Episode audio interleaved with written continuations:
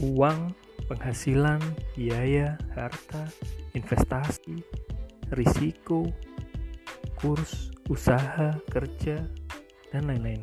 Masih ada banyak lainnya terkait ekonomi pribadi. Ya, ekonomi pribadi yang mau gue omongin di sini.